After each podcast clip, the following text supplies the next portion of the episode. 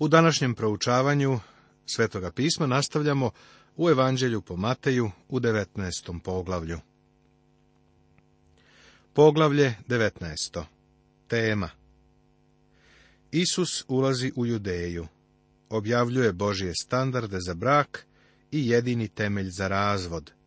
Blagosilja decu.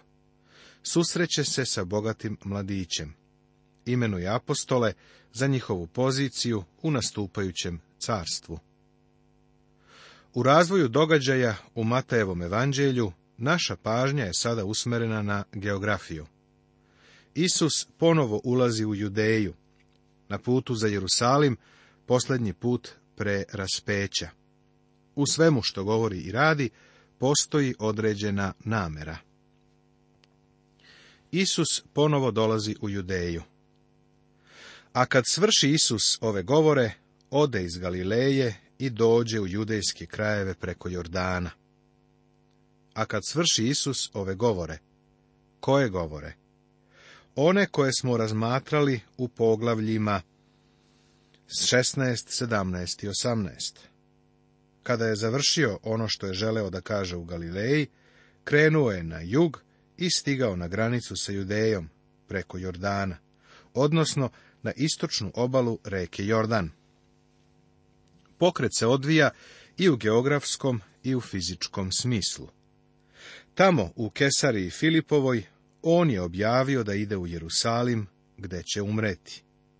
Otišao je u Galileju i tamo proveo neko vreme, u oblasti oko Galilejskog mora. Kafarnaum je bio njegovo sedište, a i prelazio je čak i u Gadaru sada se nalazi na granici Judeje. I pođe za njim mnogi narod i izleči ih onde.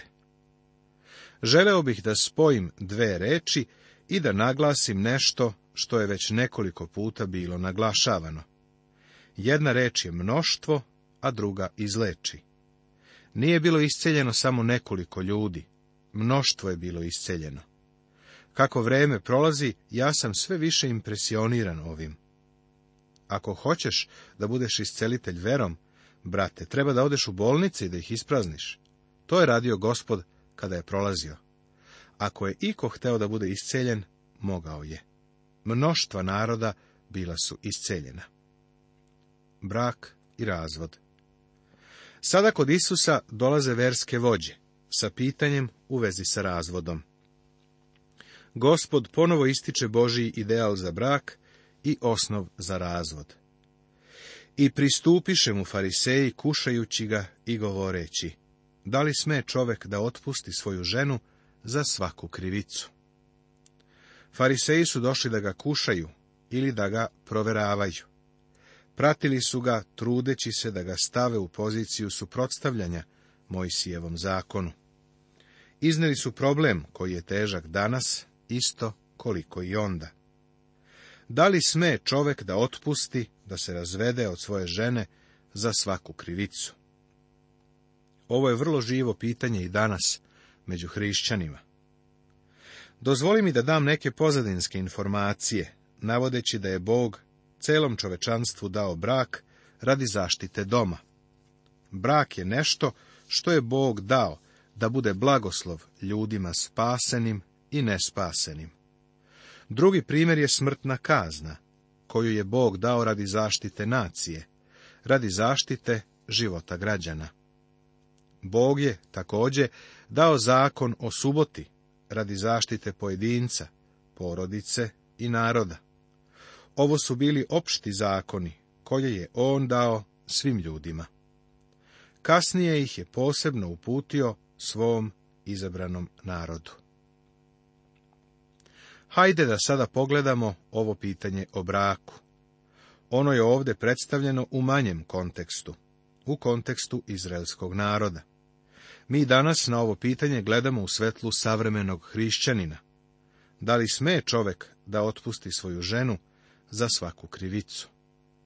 A on odgovori i reče, zar niste čitali da ih je tvorac od početka stvorio kao muško i žensko? Gospod Isus ih vraća na sami početak, na Božiji ideal braka. Mojsijev zakon je dozvoljavao razvod na širokoj osnovi. Kada ko uzme ženu i oženi se njome, pa se dogodi da mu ona ne bude po volji, što on nađe na njoj što god ružno, neka joj napiše knjigu raspusnu i da joj u ruke, pa neka je otpusti iz svoje kuće.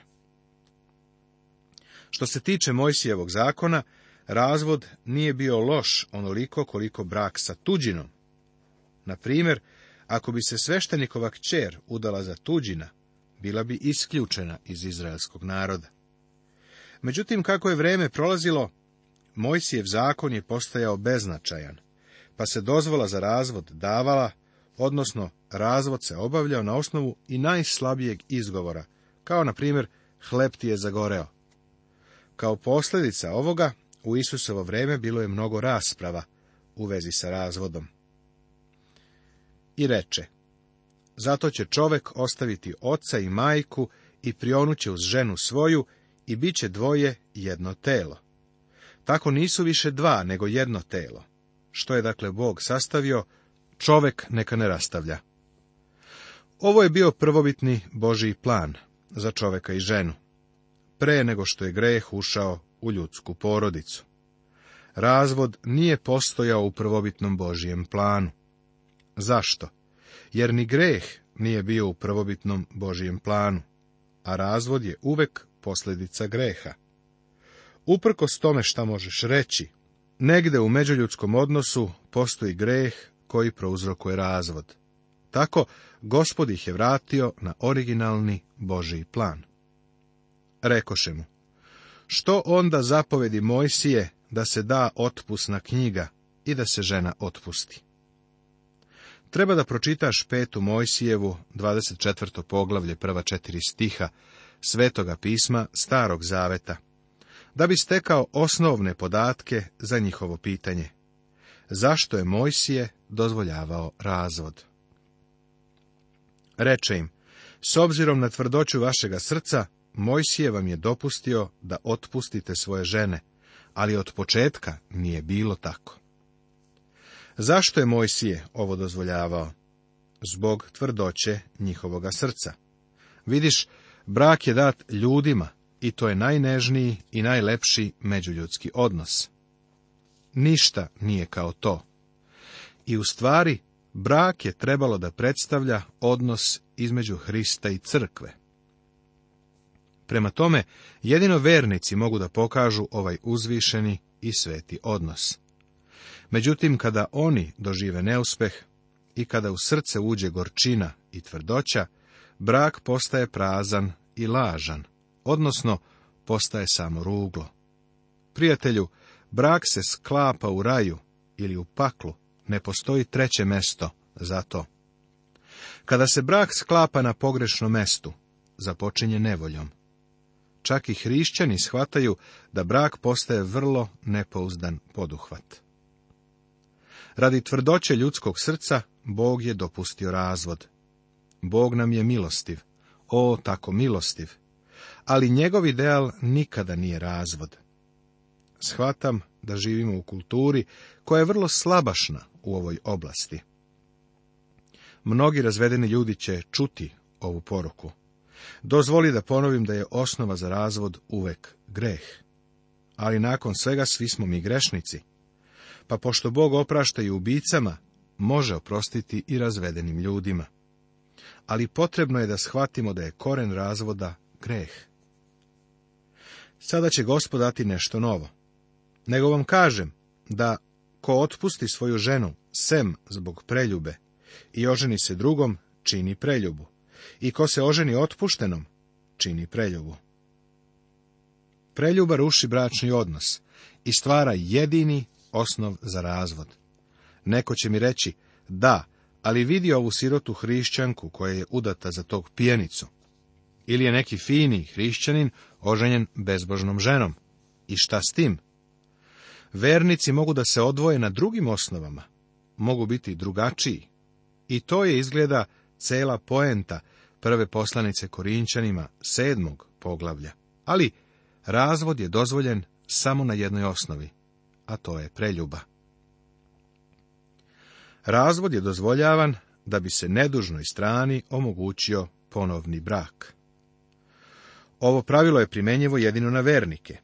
Bog ne udešava živote nevernika, nego ih prvo upoznaje sa porukom krsta. Bog želi da nevernik dođe Hristu. On je izgubljen, bez obzira na to da li je oženjen, razveden ili samac, nema nikakve veze, sve dok ne primi Hrista. Važno je to da on vernicima za razvod daje samo jednu osnovu, preljubu. Pretpostavimo sada da imamo vernika čiji je bračni drug dobio razvod po drugoj osnovi. Šta je sa nedužnom stranom? pa, ako je u pitanju bila preljuba, a u većini slučajeva jeste, nedužnoj strani je dopušteno da ponovo stupi u brak. Verujem da se o tome radi u ovom slučaju. Evo još nečega što je važno. Rekoše mu učenici, ako je tako sa čovekom i ženom, nije dobro ženiti se. Učenici kažu se ledeće, pa u tom slučaju bolje da ostanemo sami. Svakako bi izbjegao mnoge nevolje, nema sumnje a on im reče, ne shvataju svi ove reči, nego oni kojima je dano. Ovo je tako važno, posebno u našem vremenu. U sljedećem stihu gospod postavlja veliki princip. Čak se i rimokatolička crkva bori sa tim problemom. Jer ima u koji su se iz utrobe materine tako rodili. I ima u škopljenika koje su ljudi uškopili, a ima uškopljenika koji su sami sebe uškopili radi carstva nebeskoga. Ko može da shvati, neka shvati. Jer ima uškopljenika koji su se iz utrobe materine tako rodili. Nekim muškarcima i ženama nije potrebno da stupaju u brak. Oni se dobro snalaze i sami. Pre dosta godina jedna usedelica mi je rekla, nije mi potrebno da se udajem imam peć koja se puši, psa koja reži, papagaja koji zvoca, uopšte mi nije potreban i neki čovek. Za nju to je u redu, kao i za još mnoge druge, ali nije za svakoga. Ima uškopljenika koje su ljudi uškopili. Neke crkve imaju pravila da ljudi koji se nalaze na izvesnim položajima ne smiju da se žene.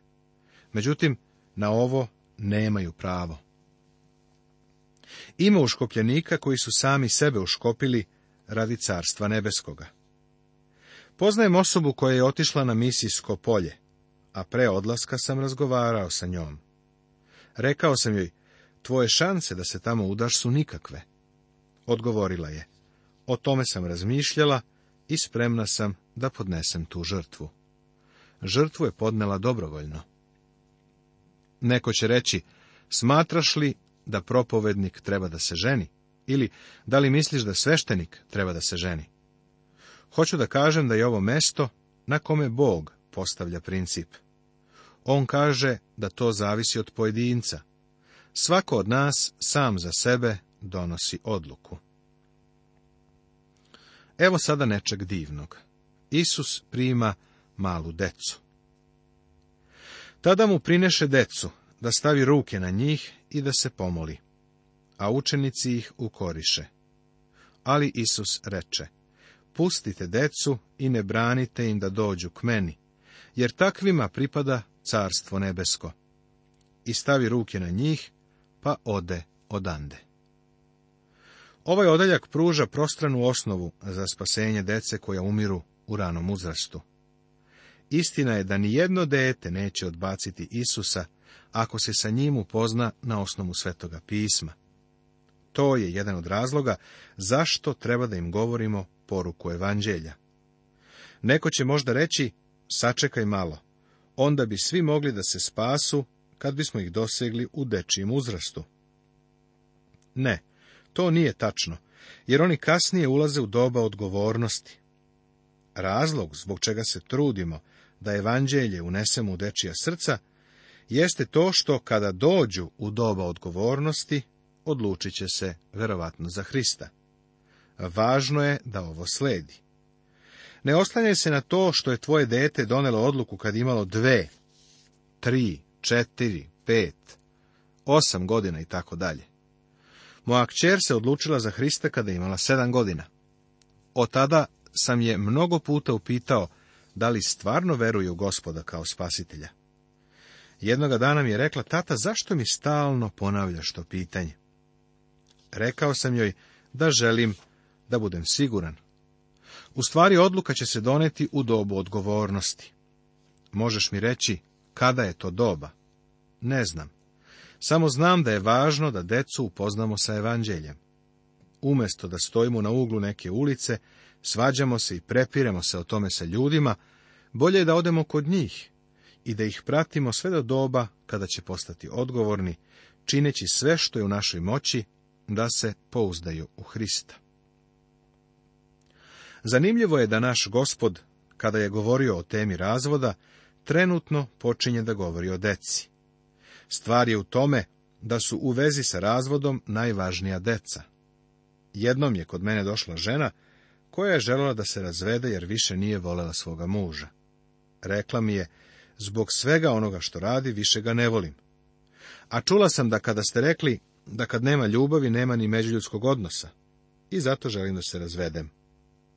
Istina je da kada nema ljubavi, nema ni međuljudskog odnosa, ili zajedništva.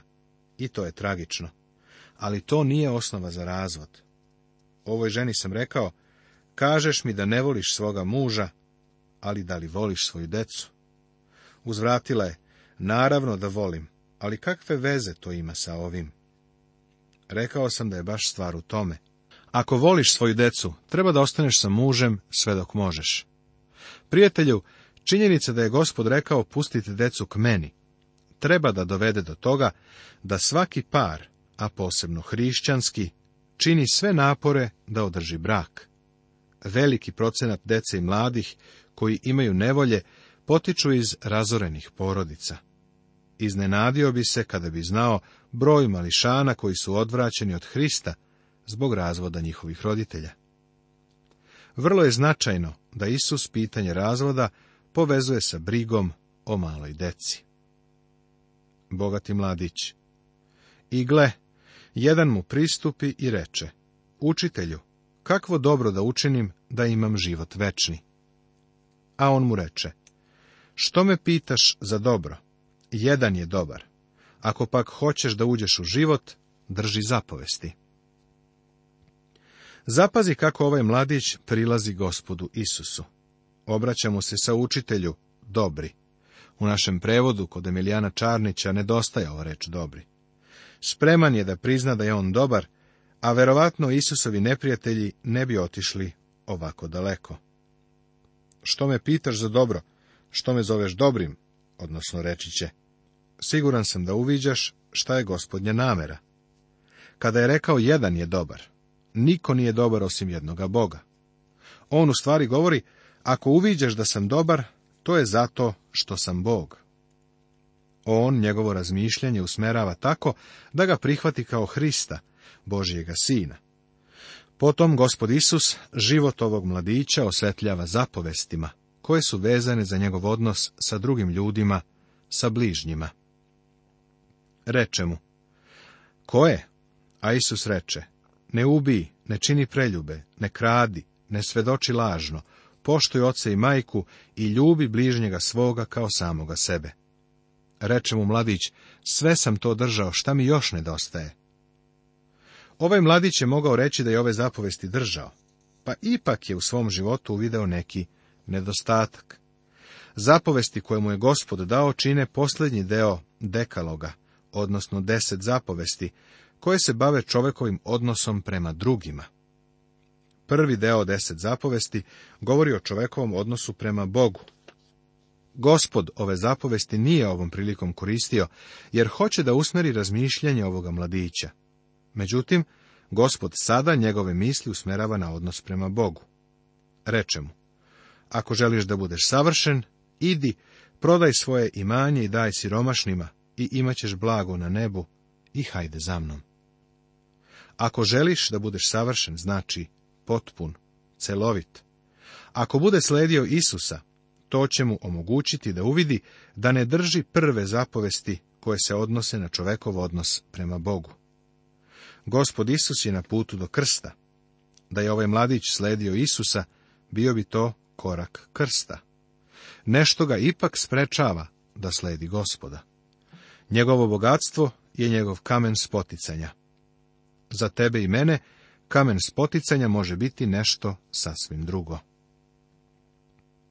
A mladić, čuvši ovu reč, ode ožalošćen, jer je imao mnoga imanja. Njegov novac ga je zadržao i odvajao od gospoda Isusa Hrista.